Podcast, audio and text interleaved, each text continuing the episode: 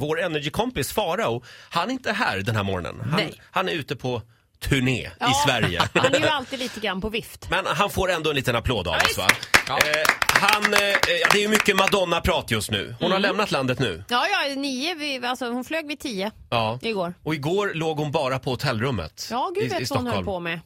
Jag Nej. tror att hon hade en Stairmaster på rummet. För det har ju sagts Förlåt, att en- Stairmaster, den här trappmaskin. Jaha. Det sägs Ja. att Madonna har en sån i alla sina rum på sitt kontor och så. Hon står och trampar och trampar och trampar och trampar och det är därför hon ser ut som hon gör. Jag tror du har fel.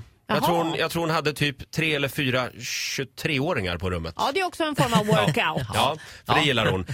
Eh, mamma Madonna. Eh, Mm. Ja, Farao, han jobbade ju i London och träffade Madonna. Mm, det gjorde han. Fick Ja. agera lite personal shopper. Ja. Ska vi ta och höra eh, hur det lät? Jag bodde i London i ett år med min allra bästa vän. Och där jobbade jag på Hamleys, the greatest toy store in the world. Alltså världens största leksaksaffär. Och där var det VIP shopping. Och då var det bland annat så att jag skulle göra VIP shopping med Madonna. Och då fick du alltså ett brev. Från Madonnas management, där det första som stod i brevet var Only spoken when spoken to. Man Vilket, vilket betyder... Eh, jag vet inte. Men det lät coolt. Men det betyder att man får bara tala när man blir tilltalad. Grejen var då tyckte jag inte att det var så konstigt. För jag kan förstå också Madonna, hon är där privat, hon vill handla liksom, men only spoken when spoken to. Och då är det jättemånga som frågar mig, men hur var det att handla med Madonna? Men att handla med Madonna, det var ju precis så som man förväntade sig att det skulle vara att handla med Madonna. Only spoken when spoken to. Hon tilltalade ingen. Utan hon pratade via sin assistent, vilket var liksom, det blir så absurt. Ja. Men det absurt också blir när man kommer på sig själv, hur mycket man finner sig i den där hierarkin.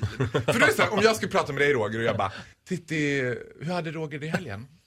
Roger, Farao undrar hur du hade det i helgen. Jag hade det bra i Han helgen. säger att han hade det bra. Ja, vad trevligt. Ja. Hälsa honom att jag är glad. Ja, Alltså, Farao blir glad av det. och jag bara, men, men, men så stod man själv och bara, "Ersnor." Och sen hamnade jag i hissen ensam med hennes dotter Lourdes som hon heter.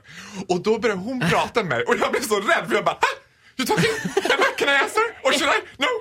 I, I, I'm not allowed to talk to you! För hon bara, och hon var så lite, det var, grejen med henne var att hon var också så lite cool kid. För hon fattar ju också hela liksom fasset runt Madonna. Så hon var så här, have you worked here a long time? Och jag bara, yes, no, I don't know, I don't know. Your accent's kind of weird. Yes, I'm Swedish. I'm from Sweden. Do you know Sweden? Yeah, I've been a couple of times. Yeah, okay. Very best. Yes, okay. Ja, så här lät det när Farao var här för ett tag sedan och berättade om sitt möte med Madonna och hennes dotter. En liten applåd får han av oss. Jag tycker vi riktar en liten tanke till personalen på Grand Hotel i Stockholm. Väl kämpat ja, hörni! Väl kämpat. Nu kan ni andas ut. Madonna har lämnat landet. Men var det inte eh, Sylvester Stallones mamma också som hade varit in på det där varuhuset? Just det. Som bara ville dricka whisky hela tiden. Just I det. want a glass of whisky! Sa hon. Inne i leksaksaffären, Ja. vilken avdelning är det? Whisky? Dy- Dyngpackad. Ja. Mammorna, de är värst. Mamma Stallone, som alltså döper sin son till Sylvester för övrigt. Det är underbart. Att han tycker jag. inte blev gay alltså.